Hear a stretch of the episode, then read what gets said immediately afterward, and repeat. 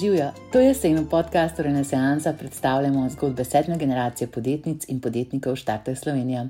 Skupaj odkrivamo najpomembnejše prelomnice na njihovi podjetniški poti, kako se lotevajo marketinga in kakšni so koraki do lansiranja izdelkov, ki jih že sedaj lahko najdete v trgovinah Interspar po vsej Sloveniji. Luka Trekman je nekdani profesionalni košarkar, ki je športno kariero nadaljeval kot osebni trener in vodja spletnega vadbenega programa. Med svetovanjem strankam glede prehranskih dodatkov za stimulacijo imunskega sistema in povečanje energije je dobil idejo, da bi bilo na mesto polne omare izdelkov bolje imeti enega, ki združuje vse potrebno za vitalnost. Tako je nastal Nutralux Immunshot. Danes se bova pogovarjala o procesu razvoja izdelka in seveda, kako pomembno je, da tudi v storitvenih podjetjih stalno inoviramo. Luka, živijo, dobrodošli na podkastu. Daj se nam na začetek, prosim, mičkam predstav, kako se je tvoja podjetniška pot začela. Živijo, Maja, hvala za povabilo. Zelo sem vesel, da sem se lahko pridružil temu podkastu, no, tako da sem vesel, da sem tukaj. Um, sem drugač Luka Trekman, iz, uh, prihajam iz Ljubljana, zviča originalno. Uh, moja pot uh, se je potikala po celem svetu. Um, tako da podjetništvo je tudi eh, del mene že kar ene deset let.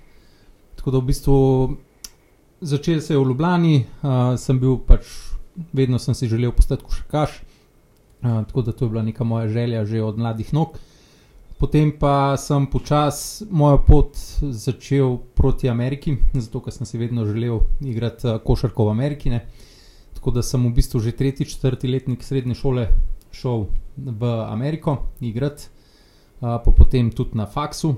Uh, pa se mi je zgodila ena pač poškodba, vmes sem se mogel vrniti v Slovenijo in takrat se je dejansko moja podjetniška pot začela. Najprej nisem vedel, kaj početi v življenju, um, tako da je kar trajalo pol leta, en let, preden sem prišel do tega, da sem se začel ukvarjati s fitnessom. Vmes sem imel samo kakšne take kratke dvomesečne postajanke v službah, ker sem mislil, da mi to nekaj pač leži od računalništva do uh, Excelov, Wordov, predavanj, vsega možnega, ampak na koncu sem se pa res najbolj najdel v nekje te fitness, health and fitness industriji. No. Uh, in v bistvu tle se je ta podjetniška pot moja začela in iz tega tudi izhaja ta moj produkt Nutralux, no. um, ki več bova pa še sproti povedala. No, se pravi, koliko si bil tisti, ki si se začel ukvarjati s podjetništvom? Um, v bistvu v 21 bi lahko rekel, da sem že začel z uh, svojim fitnessom, prav, mislim, s svojimi vadbami, uh, da sem ustvaril, se pravi, najel sem prvi prostor, ki je bil približen, bi rekel, 50 kvadratov, to je šlo 10 ljudi noter naenkrat in tam se je začela. Ne? In to je bilo v Grosuplu, v bistvu, v enem čistmehnemu prostoru. Um, in sem začel z vodenimi vadbami. No? Um, tako da to je bila moja prva, prva poslovna pot, ki se je začela ko sem bil 22-23 let star. No. Wow, noro, jaz sem ja. takrat še na faksu vesela, pa se odločila, če greš še na kakšen magisterij. Okay. Tako da, kako je zanimivo slišati to strast, to željo do ustvarjanja. Pa, kot te zdaj poslušam, tudi po sodelovanju z ljudmi. V storitvenih industrijah je pa vse tako, da rabiš veliko stika tudi z ljudmi. In to se mi je pa malo presenetilo, ker si rekel računalništvo, pa tabele, pa pa cele dneve delam z ljudmi. K kaj je bila pa to ta tranzicija? Um, ja, no, se to mi je bilo tudi uh, dosti zanimivo, no, ker pač vedno sem tudi sred, ne prav programiral, ampak ukvarjal z računalniki, vedno sem pač. Um, Dosta stvari delal, tudi sam sem jih sestavljal včasih, no, to mi je bilo fulano, elektronika pa to, no, ampak pol nekako mi to ni bilo ni mi bilo tisto neki, da bi rekel, wow, ne, efekt. In pol nekako sem prišel do tega, ker je kolega mi v bistvu omenil, da bi on tudi imel neke vodene vadbe, pa to, da se to zdaj ful razvija. Ne, in sem rekel, ok, mogoče bi pa res lahko probo tudi to. In mi je bilo dejansko res toliko všeč, ker sem lahko pomagal ljudem. V bistvu že od nekdaj sem si ful želel pomagati. No. Um, to je bilo res nekaj, kar um, še danes rad delam. In me je to veliko bolj prevzel, se pravi, ta neki, da nekomu pomagaš, da se nekdo boš počutil, da ima nekdo lepši dan zaradi tebe. To je meni res um, dvignilo mojo energijo. No? Um, mogoče malo e, e egoistično, če tako rečem. Ne, feedback kljub dobiš, veš, pač, da tisto, ja, kar delaš, da je to dobro. Um, tako, tako. In pač tukaj sem se res pol najdel no, v tem, ker ko se staviš računalnik, ni noben vesel pozdrav. Kako si pa to lepo rekel? Ja, ki pa nekdo zgubi tistih svojih kritičnih pet kil, je pa čez ja, je streho. Pa to, je pa to res neki super. Ne? Tle, tle res tisti, ki vidiš nekoga, ki pač vse po en stran muč, Ja. Ampak gre čez neke ovire, pa naredi nek napredek, to kot trenerju, mislim, meni kot trenerju je bilo nekaj najboljšega. No. Um, tako da te stvari, da, da nekdo postane boljši, to je, to je bistveno. To mislim, da si tako dobro povedal, zato ker me še sem se mičkem pošala s tistimi kritičnimi petimi kilami, ampak včasih je pa vseeno postutje. To, da ti reče ljudje, da imajo več energije, da se bolj zbujajo od dneve in tako ni vse sam tisti videz, a veš, kaj bi ga rad dosegel, toliko več ti da v bistvu, če imaš aktivno pa zdravo življenje. Ja, jaz tudi niti ne zagovarjam tega popolnega videza, no? ker meni se zdi, da je to čist preveč šlo v tej fitness industriji v eno smer, zato sem se tudi malo umaknil um, z tega področja, no? um, ker mi je bilo vse preveč, um, kako bi rekel, na hart, vse je mogel. Ko si prišel do neke stvari, je bilo uh, še zmeraj lahko nekaj božga, pa kar še zmeraj lahko večje rit. Tako, mislim, pri puncah je bilo vedno to, ne. vsak trening so bile zmeri, jo, ona ima pa tako, pa to Instagram svet se je čisto razširil v tej smeri, ker so vse začele v to smeriti. In mene je to res zmotilno. Um, zato, ker noben več ni gledal na zdravje svoje, počutje svoje, ampak so bili vsi zaprtimi prostori depresivni.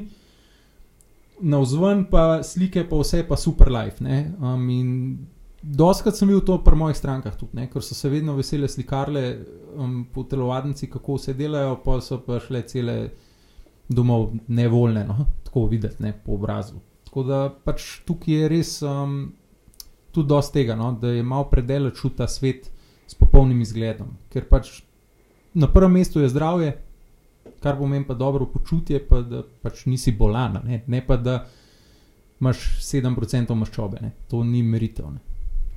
Ej, fenomenalno.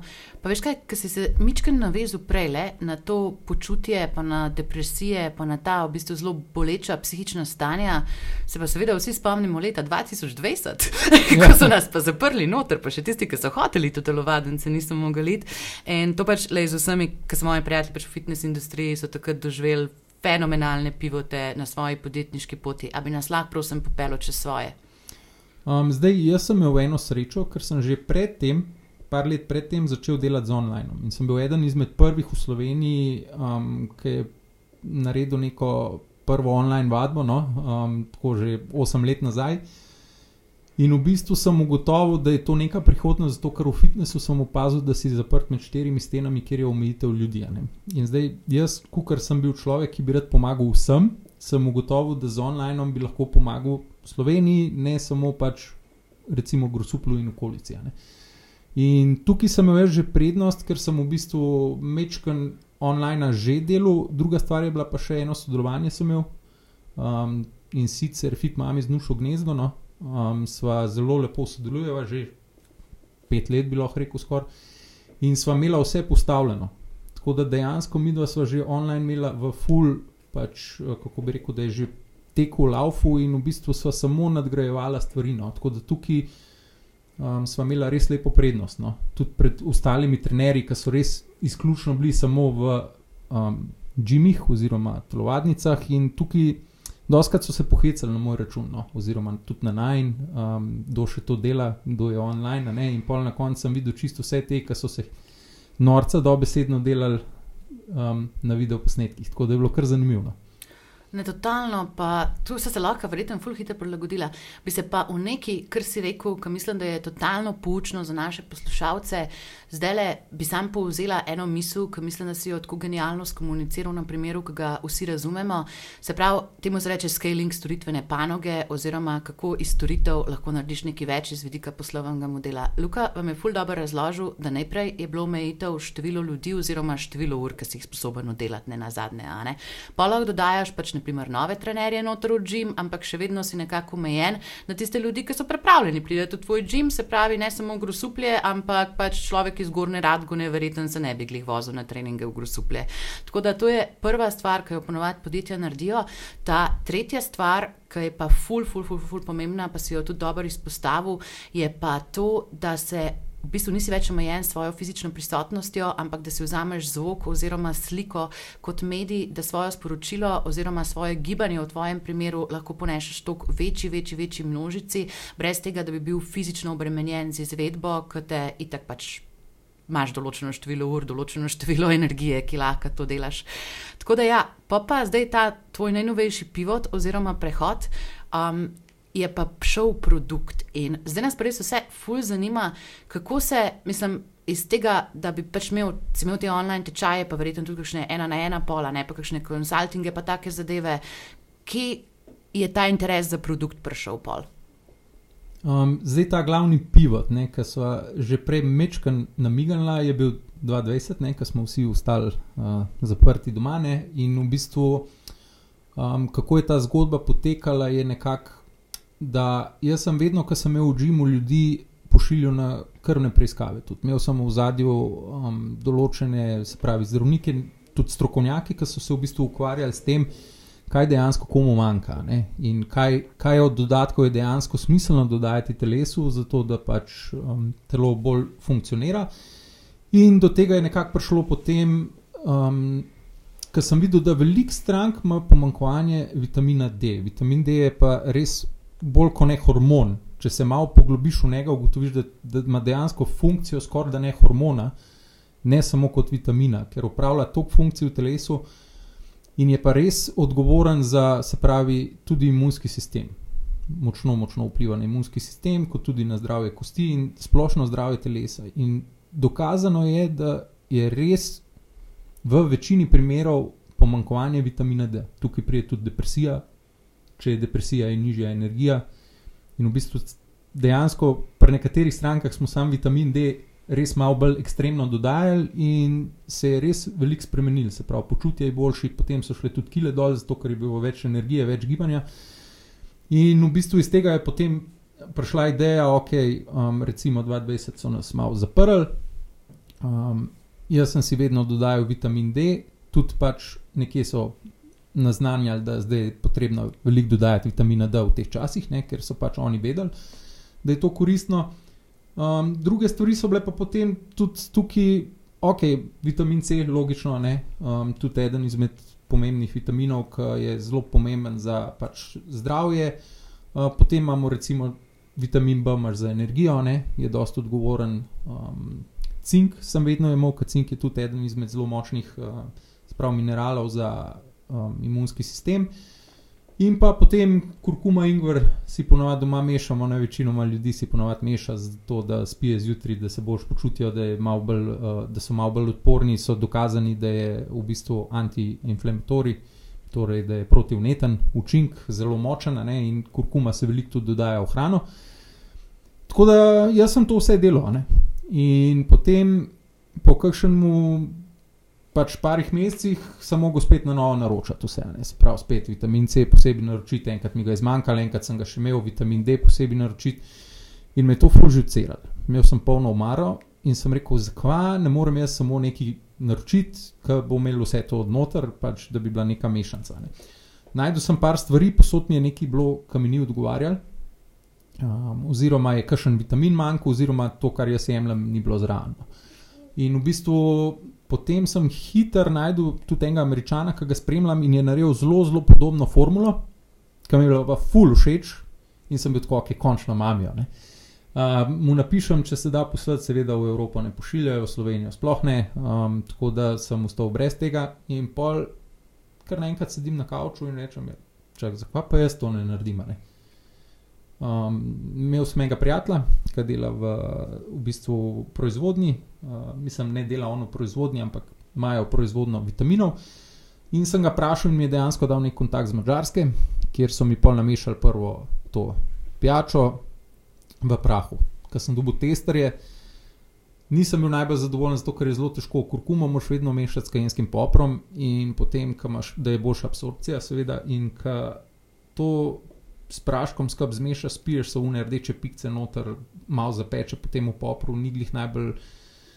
Prijetno bilo no, za vse te, ki bi pač to radi pil, se mi je zdelo, da to jim ne bo glih všeč. No. In na koncu je v bistvu pa prišlo do tega, da je on sam rekel: Zakaj ti pa jaz to ne namešam? Ne? Se mi imamo pa v bistvu v tekoči obliki to. Ne. In pa smo na koncu dejansko ugotovili, da mi on lahko nameša, jaz sem mu poslal samo sestavine, pa formulo, in mi je poslal v roku enega meseca, sva skupaj namešala, se pravi, prvi testni uh, proizvod. In lahko bi rekel, da je to, da bi iglo najdel v nekem senu, pač res je bil odličen. Iz prve smo ga zadeli, to je bilo res meni pač fascinantno. Ne. Jaz sem mislil, da to traja pol leta, en let, preden bomo mi da ugotovila, kako. Ampak res smo iz prve zadeli okus, obliko, strukturo, vse je bilo, vse je štimalno. Um, tako da nekako to je bil dejanski razvoj tega produkta, ki se je vlekel že več let, ampak je pol nekako ratal ga v parih mesecih skupaj spraviti, kar je res neverjetno. No. Uh, bilo meni mišljeno, tudi on je rekel, da v življenju ni tako hiter produkt, skrb sestavljen. Um, tako da ja, malo bolj zanimivo, tako vse skupaj potekalo, ampak ja, nam je ratalno.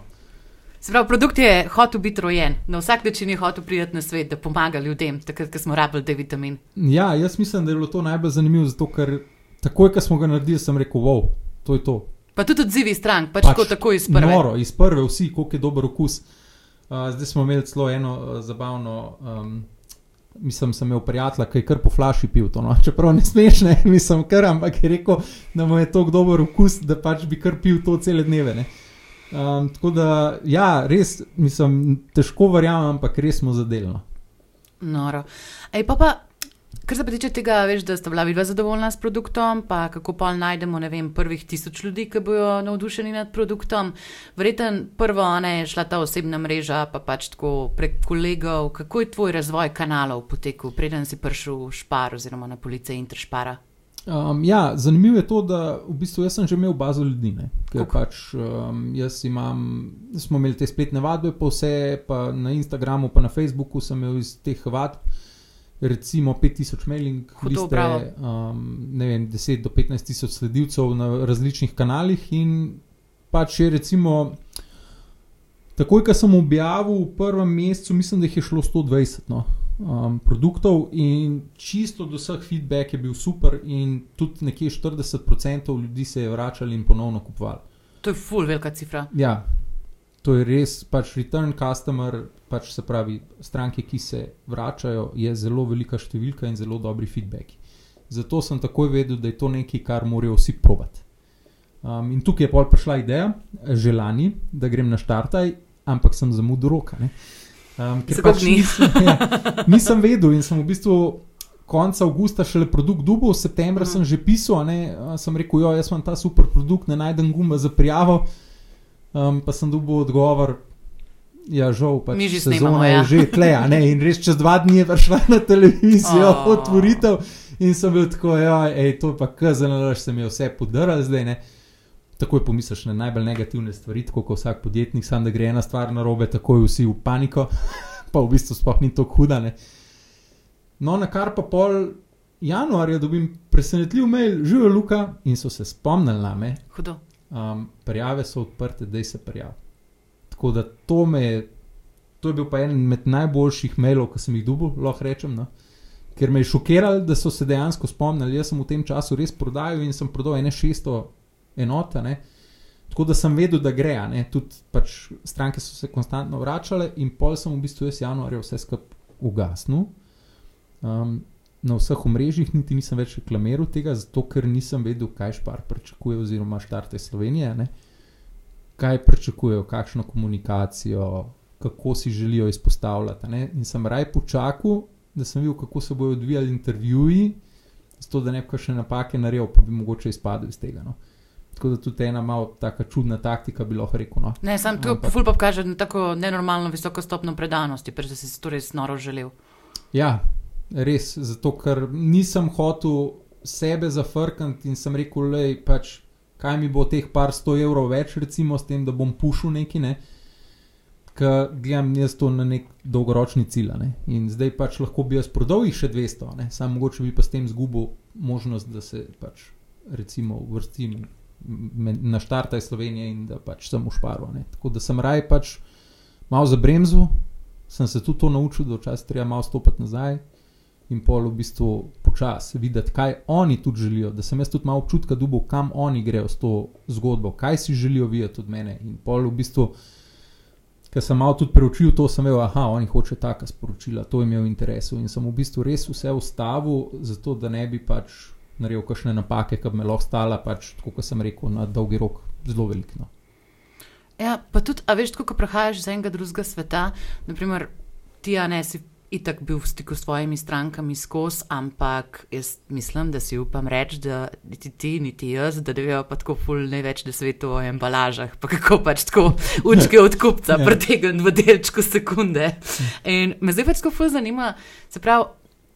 Beči so bili verjetno blic- bistveno večji za špara, ne? ni to tako 100-200 stvari, ampak je pač to bistveno, bistveno večji beč.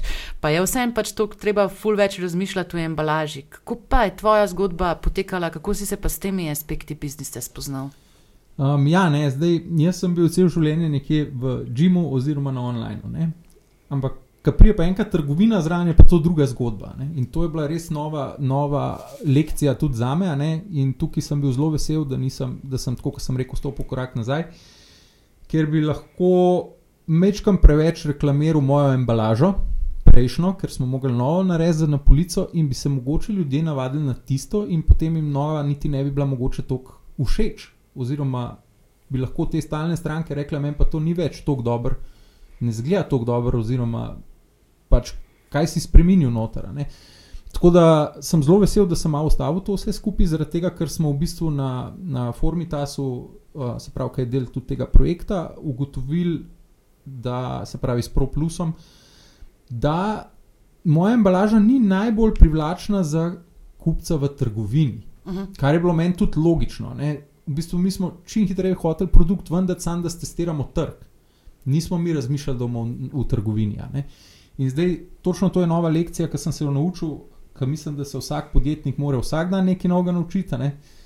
Je bila ta, da je to embalažo treba spremeniti, da, da jo moramo prilagoditi trgovini, ker v trgovini imaš ti tri sekunde, še manj, sekundo, ko kupec pogleda na polico in če ti ne izstopaš, če ti njemu jasno ne poveš, kaj to je, ne bo kupil, ne bo vzel z police.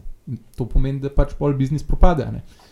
Um, tako da ja, um, to je bila ena lekcija, ki sem se jo naučil in sem zelo vesel, da sem bil del tega projekta, zato da sem tudi se tukaj nekaj naučil um, dejansko o dizajnu, o se pravi uh, novih škatlah, kako morajo izgledati, da bojo bolj privlačne. No.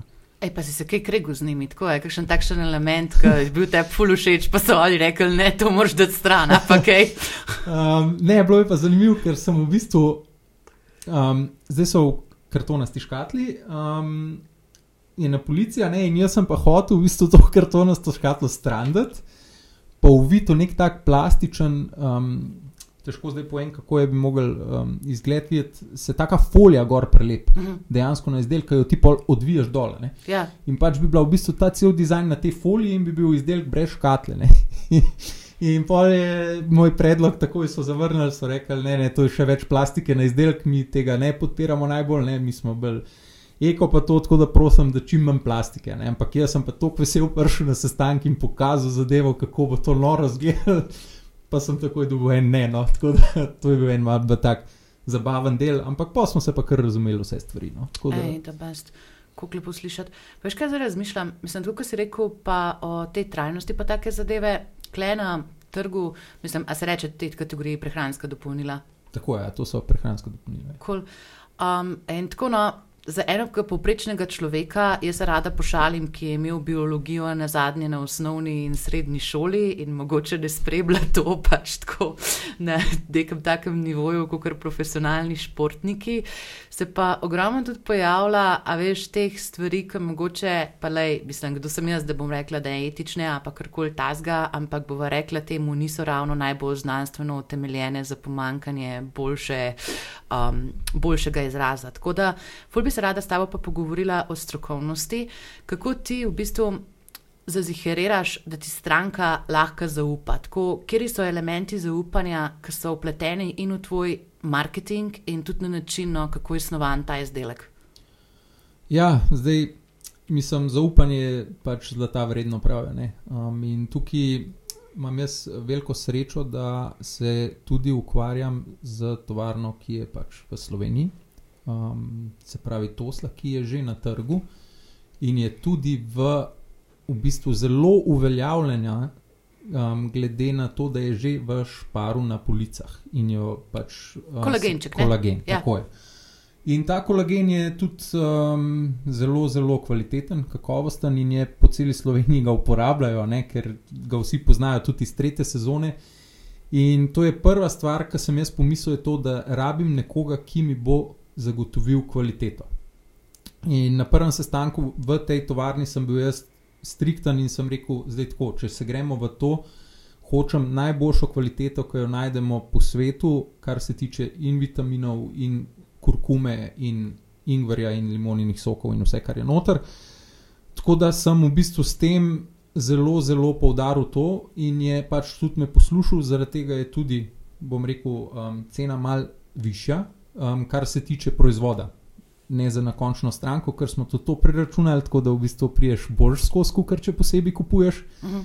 Uh, ampak uh, cena proizvoda pa je bila tudi malo višja, ampak sem rekel, da to mene niti ne zanima, ker jaz želim kvaliteto. Zdaj si v bistvu že tri nivoje kvalitete opisal. Eno je pač tvoja ta profesionalna kredibilnost, ki pač tudi nisi včeraj šel v kuhno in pač dol tri sestavine v mikser in vola. Ta druga stvar je to, da pač je dejansko proizvod narejen po enih takih zelo visokih standardih. Dobilo pa tudi eksterno validacijo od vseh teh stotine kupcev, ki so jih prej omenila. Tako da v bistvu se že ene tri, a pa štiri lejerje kakovosti zdaj omenil. Ja, mislim, nekako tako, no, uh, kukar pač bi lahko rekel, res smo, res smo dali vse v ta produkt. No. Tudi uh, veliko dobrih feedbackov imamo, vse, jaz se zavedam, da je to neki za imunski sistem, ampak imamo tudi feedback, ki sem dobil, da so se nohti izboljšali, da so se lese izboljšali. Zato, ker vse to povezano z imunskim ja, sistemom. No. Tega sicer nikoli ne smemo klejmati, to so ja, zgodbe. Ja, tako, ja. ja, to so pač zgodbe, se govorim, ne, to so samo res zgodbe, to, so, to ni zdaj pač nekaj, kar bi lahko rekel, da se bo zgodil. Um, ampak na vsadzga deluje malo drugače kurkuma, ki deluje res protivnetno, to je kar neki ibuprofen, pač naravni. In pač, če imaš ti kakšno vnetje v telesu, ki jih sploh ne veš, ne vidiš. Ne? In če ti s to kurkuma to malo znižaš, ne? se potem lahko take stvari pojavijo, kot so boljši noti, boljši lesevi. Ja, uh, celična energija je šla prej v protivnetno delovanje, zdaj pa pač lahko dela stvari, tako, ki jih mora delati. Tako, tako, da, tako da tukaj je res um, veliko stvari, ki so pozitivni v tem produktu, ne samo pač dejansko imunski sistem, no.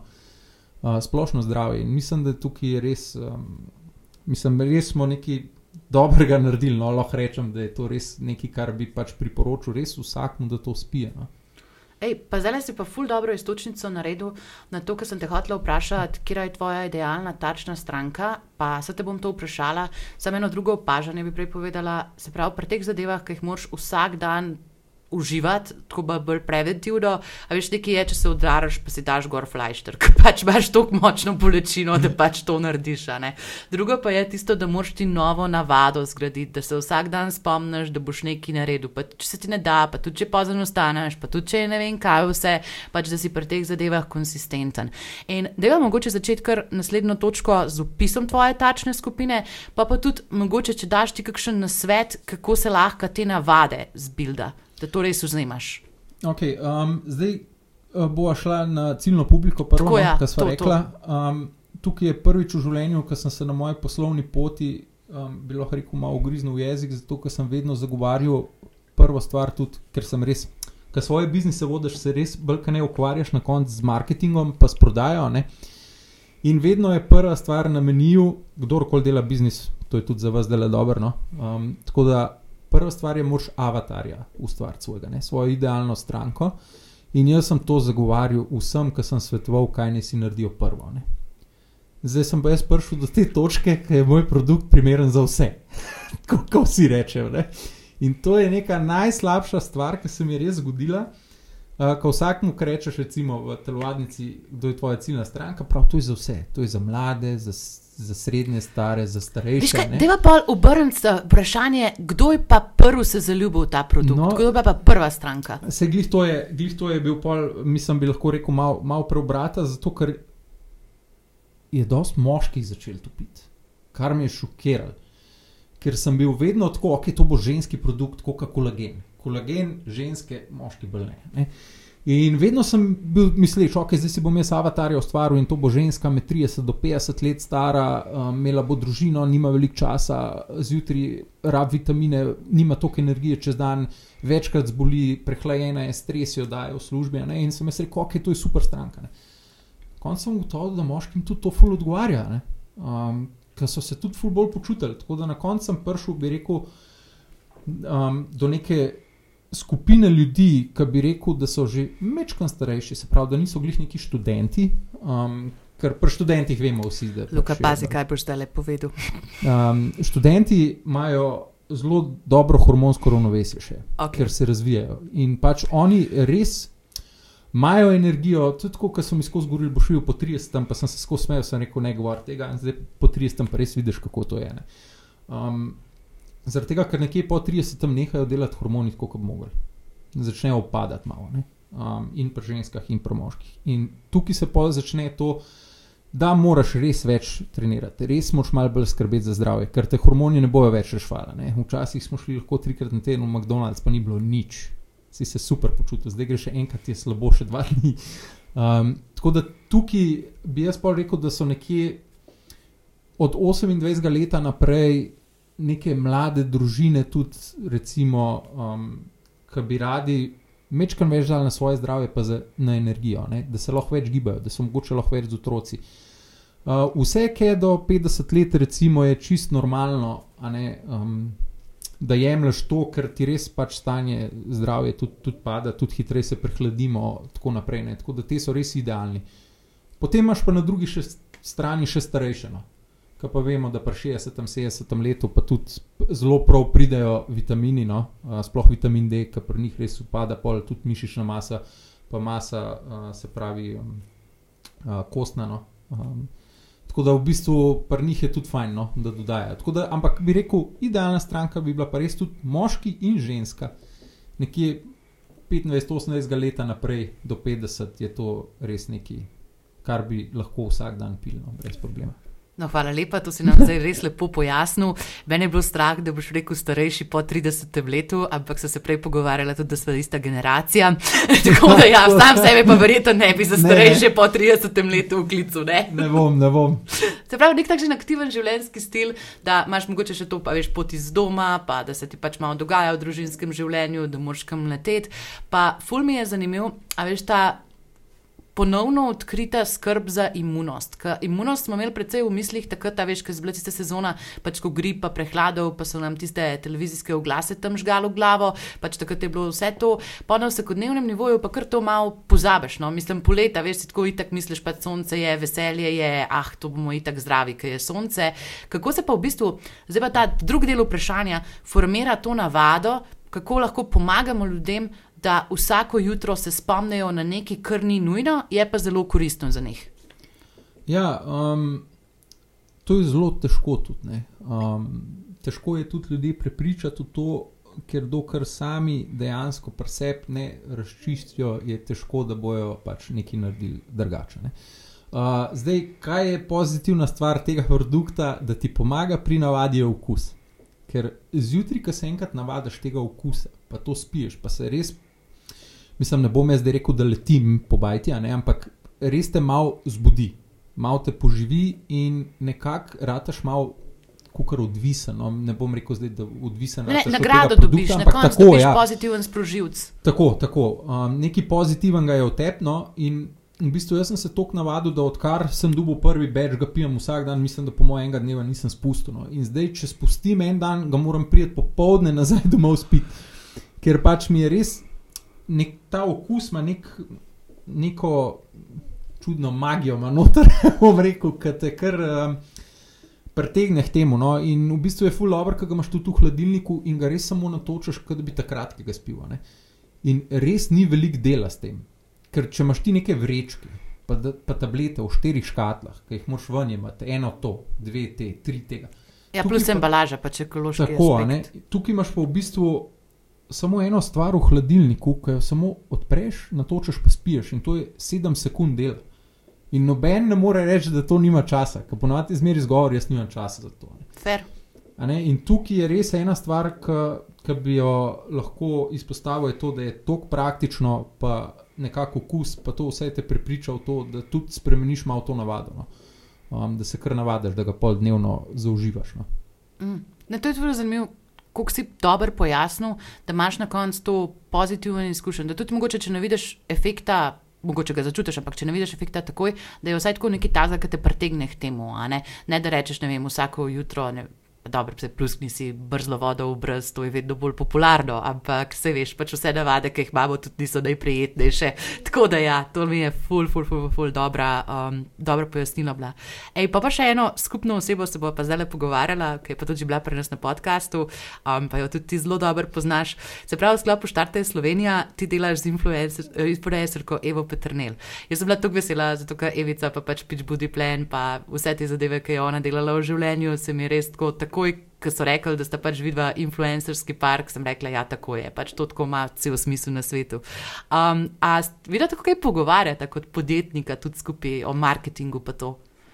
Um, zdaj, zadnje leta. Niti ne tok. No. Mislim, malo so se zdaj, ko smo se ujeli, malo pogovarjali o teh stvarih. Um, sem pa veliko tudi, se pravi, z drugim um, partnerjem tega uh, Pitchbuti Plena, Nikom. Uh, sem bil malo več na vezi, smo se vedno med uh, temi časi, se pravi, ko smo bili zaprti, pogovarjali, kako kaj gre prodaja, kaj kaj. Tacga, te neki Facebooki so spremenili logaritme, vse za reklame, pa tako pa so se doskrat pogovarjali, no, um, kaj je za narediti, pa kako narediti. No. Tako da um, večkrat sem bil v stiku z njim, no, um, bom rekel, kukar pa z Evo, ampak z Evo sva vedno bila v fulobrih odnosih. Uh, pozitivnih. Ni težko biti, on ja, to takoj zavajati. Čisto je preprosta. No, um, ena stvar, ki bi rekel, kar bi lahko rekel, da me je malo naučila, je bolj ne ta sproščenost ja. pri snemanju. Ja. Um, zato, ker je res tako pristna, taka, pač posname se tako, kaj je, ne komplicira neki. No, um, tako da to mi je bilo fulu všeč, no, um, kako, da sem videl, kako ona to dela. No. Pa bi ti zdaj rekel, da si bolj perfekcionist? Ne, niti ne v bistvu gliho kontro, no, ne. Um, nisem perfekcionist, sam je pa težko uh, iskreno sebe nekako gledati, pa se snemati, no, ker mi je malo čuden. No. Tako, um, čeprav fulje smešno, zato ker sem bil en izmed prvih, ki je začel online vadbe, pa sem se skozi snemal. Ne. Um, pa sem pa nekako se malo odmaknil, da sem bil jaz v, v zadju, um, ki je snemal, um, se pravi, nušono v bistvu um, za te programe. Tako da sem bil jaz zdaj v bistvu v ozadju zadnjih pet let pri njej uh, in sva pač vse te stvari delali tako, da sem jaz bil z računalnikom, ona pa brka ne na ekranu. Um, tako da sem pa tudi novo spremljal, no, veliko sem se tudi od tega naučil, no, um, kako ona to komunicira, pa vse to, uh, tako da to ful, ful dobro dela. No. Tako da pač nekako bi lahko rekel, da zevo isto ima ta tako stanje, ki je res pristno, no, da se obe sta tako iskrene, um, povedati, kako je delati za druge. No? Um, tako da je res to, to je meni všečno in tudi k temu jaz strmim, tako da moram jih pohvaliti vseeno. Ej, ful lepo, pa tega v Sloveniji ful premalkrat delamo, veš, tako da pač nekoga pohvališ, da mu daš pač najlažji biti fauš, pa malo zagrenjen, ker pač tako ima nekdo en cent več kot krti, a kaj. Mislim, hipotetično seveda govorim, ampak ne, meni je vedno to lepo. Mogoče tudi ta mala, veš, podaljšek ameriškega mindseta, tam se pa pač ljudje mičkam bolj sproščeno pohvalijo, pa se pogovarjajo o take zadeve, a pa ne vem, fenomenalen karakter, jaz nisem psihoanalist. Um, ampak tako, ful mi pa dobro, no, ker si to rekel, res super slišati take zadeve. Tudi tudi. Um, imam pa tako pod vprašanje za te naše ustanovitelje podjetja, ne, ki nas tako poslušajo, pa mogoče takoj so rezonirali z izjavo, ono, jaz se tudi doče bi izpostavljati, kva bo to meni, meni je pač full cringe, če me snemajo, zakaj bi to sploh naredil. Tako, A si ti imel kakšen pogovor sam s sabo, zdaj le sploh, ko imaš tako medijsko izpostavljenost, a ne malo večjo, kako si se navadil, da si ok s tem? Um, na začetku je bil mal šok, ampak niti ne med samim snemanjem na začetku, ampak še lepo, zdaj, ko smo imeli vent, um, v bistvu, ki je bilo predstavitev police, me je kar malo uno zadel, ošiti, jaz sem res pač posota. Um, ampak to je del življenja, trenutno del podjetnikov. Um, Kjerkoli podjetnik si, se vsi pravijo, da dobro blago se samo hvali, ampak če dobro blago ne prije tudi do desetih ljudi, kako se bo samo hvalilo. Um, In pa tudi del tega je, da ti moš predstavljati, pa stati za svojim produktom. In če ti predstavljaš, pa stojiš za svojim produktom, zdaj odvisno tudi, kaj delaš. No. Um, moraš se pokazati, kdo si, pa kaj, kaj si. No. Mislim pa, da, da te ljudje malo spoznajo, ker zaupanje je zelo, zelo trenutno pomembno pri poslu. Ker zdaj, če jaz odprem svoj Instagram, pa se že vsak ta tretji ima svoj, svojo stvar. In zdaj v tej poplavi, ker je pač digitalni svet šel tako na goro v zadnjih letih, enostavno moraš to delati. Najprej mi je bila muka, zdaj pa nekako uživam. Um, ful se mi je obrnil v zadnjem mesecu glede tega. Grozen mi je bilo en story posnet, danes sem jih že pet posnel. Pa mi je pač tako res zanimivo, kako se lahko prilagodiš, ko se enkrat zavedaš, kaj delaš, pa kaj moraš delati. Zdaj, pač najprej se mi je zmeraj smešno zdelo, da ti butle sred ceste hodijo s telefonom, zdaj sem pa jaz isti. Ne. Najhujše je, da nekoga obtožuješ, džadžaš, no? ampak na koncu pa mogoče prav ti moraš to delati, zaradi tega, da pač lahko preživiš. Mislim, da pač lahko narediš nekaj svojega posla. Ne, pa tudi, da, kot si prej ful dobro izpostavil, da kritična masa ljudi zvezate, ker lahko imaš še ne vem, kako dobro stvar, ampak lej, če to da ti in ne vem, tvoja mama in tvoj brat, pa pač nimaš biznisa, ampak imaš pač tu vid družinski produkt. Um, tako da ja, to je bila ful, ful, ful, ful, ful močna lekcija. Zdaj pa tale zaupanje mi je pa sam še ena taka stvar, a veš personifikacija podjetnika na izdelek. En ful zanimiv koncept, ampak naprimer in v storitvah, in pač tudi pri teh izdelkih, ki jih moraš, mislim, kam malo na zalogo uči, uživati, zato da pa še le vidiš rezultate, ker ni pač tako, kot grem jaz na blow dry, pa imam tako lepe lase, ampak je pač malo drugače. Ne vem, tako sam da te vidim mi tako da zaupanje v produkt, v smislu, jaz bi tudi bila, ne vem, tako energična, tako zdrava, tako pač kul, cool, kot je Luka. Pač tako, da tvoja pojavnost postane en podaljšek produkta oziroma vere v te učinke. Make sense ali ne? Ja, um, dejansko je to point vsega tega. No? Um, jaz hočem, da ti čutiš energijo produkta, dejansko. Jaz pač toliko energije vlagam v to in v ta produkt, da hočem, da je ta produkt naprej. Da se pravi tistim, ki to kupijo, oziroma ki probajo, ki si želijo nekaj narediti za svoje zdravje. Tako da to je bil velik cilj, no? da pač res, res se vidi razliko, tudi sam sem pri sebi zdaj več opazil, ker sem jaz šel v ta produkt, tok, kdo dejansko dela s srcem produkt, pa kdo ima sam produkt na trgu. Je velika razlika, ker takoj začutiš energijo. Je nekaj v ozadju to, ampak zdaj, ko sem jaz začel to delati, ker sem res, res začel pač gledati na te stvari. Prej niti nisem bil pozoren, ne, ker se nisem s tem ukvarjal, ker sem bil bolj obraz tega, da sem stranki pomagal direktno, ne, zdaj pa to dejansko ena stvar vmes med mano in stranko, ki me stranka ne vidi. Ampak si želim, da bi ta produkt v bistvu nje. Dal to, kar sem jaz noter dal v ta produkt, se pravi, da začuti to energijo, pa da, da ve, da je to res nekaj kvaliteten. No? Ja, Luka, meni se zdaj na hajpu, zdaj grem jaz v interšpar, to je to. Jaz sem že mislila, da bo danes enega rukalna, ampak ja. dobro, bo pa kdaj drugič ni panike, a ja, baj enega lupana, seveda mislila produkt, seveda mislila Nutralux, ja. nekaj drugega, ampak le za konec. Pa sem še ena stvar, no, ki se mi zdi ful pomembna na tem podkastu, so pa te podjetniške lekcije. Če bi ti mogel zdaj dati na svet, ne vem, sebi pred enim, dvema letoma, vsem tistim, ki si želijo iti po tvoji poti, pa mogoče sploh ta fitness industrija, a veš, ki ni nujno, da imajo pač vse to poslovno znanje, ki ga imaš zdaj ti.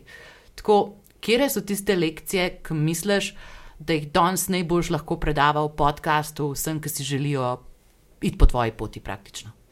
Um, zdaj tako tukaj bi jaz lahko eno uro govoril. Ja, ne, to bi bila lahko svoja pač, oddaja. Ker to, je, to bi bila lahko svoja oddaja, res. Um, bom izpostavil mogoče tisti neki najbolj, kar bi rekel, da je najbolj pomemben. Je to, da eno si najdeš pot, ki jo res želiš.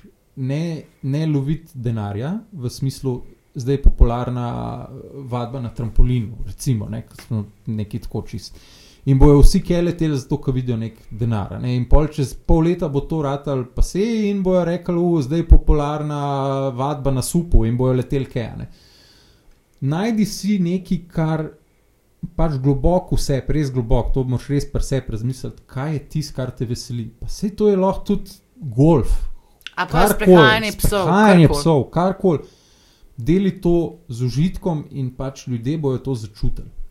Um, ni nujno, da bojo to milijoni iz tega, ampak lahko boš pa zelo lepo živel life, ki si ga ti želiš, pa užival.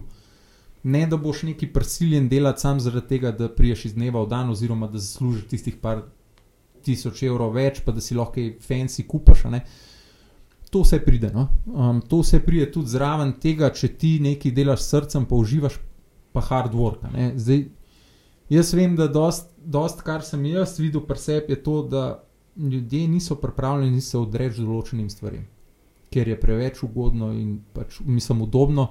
In zelo težko kdo prije iz cone obdobja. In recimo jaz, ki sem odprl Jim od 6 do 10 vadbe, od 10 do 11 pucanje Jima, od 11 do 12, da sem šel kaj pojesti. Pol si je bil marketing od 12 do, do 2, 3, mailingi, snemanje do 3, pol so bile vadbe od 4 do 10 zvečer, pucanje do 11 zvečer, domov, samo spat, potuš, noč eh, televizije nisem imel dve leti. Um, to so take stvari, ki jih ljudje ne bojo nikoli videli na tebi, ampak bojo prišle ven, pa šele čez par let. To se je meni zgodilo.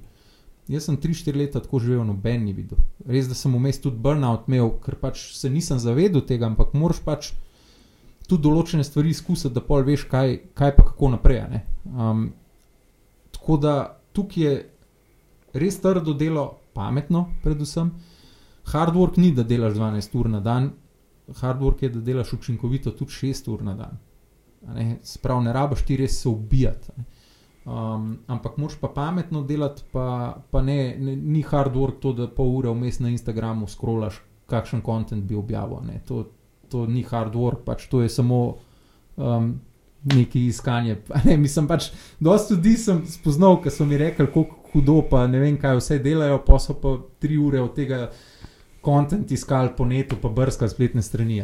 Pač, mislim, tako, malo mal, mal smo tudi eh, pozabili, kaj je to hard work. Um, tako da pač meni men na srečo zdaj lahko rečem, da sem res zminimiziral te ure dela v delovnem dnevu, ampak jih delam učinkovito. No. Um, Zmeraj gledam tako, kako čim več zautomatizirati, kako čim več v najkrajšem času narediti, največ pa najbolj kvalitetno. Um, ker je še vedno bolj pomembno, da ti delaš eno uro full over, pa zaradi mene pol ure lež na kavču. Pol deli spet eno uro full over, pa tako, kukar pa da delaš 8 ur, sam da kruzaš, ne sam da greš čestno. Tako da ene par stvari sem povedal, no, da nam preveč dolgo vezam, ampak jaz mislim, da je najbolj pomembno sprav, da zaupaš sebi, zaupaš v svoje produkte, delaš srcem, pa da res delaš kvalitetno, pa hard work, pa da se boš mogoče odreči tudi kakšnemu morju pa kakšnemu izletu, pa kakšnemu avtu, ki bi ga rad imel, ker to vedno pride kasneje, tudi lahko na vrsto v veliko lepših količinah in stvarih. No. Wow, se pravi, odlaganje užitka, pa uspeh čez noč na deset let podlage. Ja, tako nekako. The best. Luka, hvala lepa, bil si fenomenalen gost. Jaz se navdušena sem no nad izdelkom in ko me čakam, da te vidimo v sedmi sezoni še naprej, ustan še naprej, takšno sonce, takšen dober zgled podjetništva na taši sceni, pa srečno za vsem. Hvala lepa tudi tebi, super podcast, tako da sem vesel, da sem bil del tega. Hvala tebi, čau. Čau. Navdušena sem, da lahko predstavim takšne navdihujoče zgodbe, ki dokazujejo, da sami zmoremo veliko, skupaj pa zmoremo vse. Če ti je bila ta epizoda všeč, bom vesela tvojega komentarja ali ocene v tvoji najljubši aplikaciji za podkaste. Če pa imaš svojo podjetniško idejo, ti lahko namignem, da se bodo kmalo odprle prijave za že osmo sezono Štartaj Slovenija. Zgodbe podjetnikov Štartaj Slovenija lahko spremljaš ob nedeljah zvečer na Pop TV. Hvala lepa, Špar Slovenija, za podporo pri tej epizodi.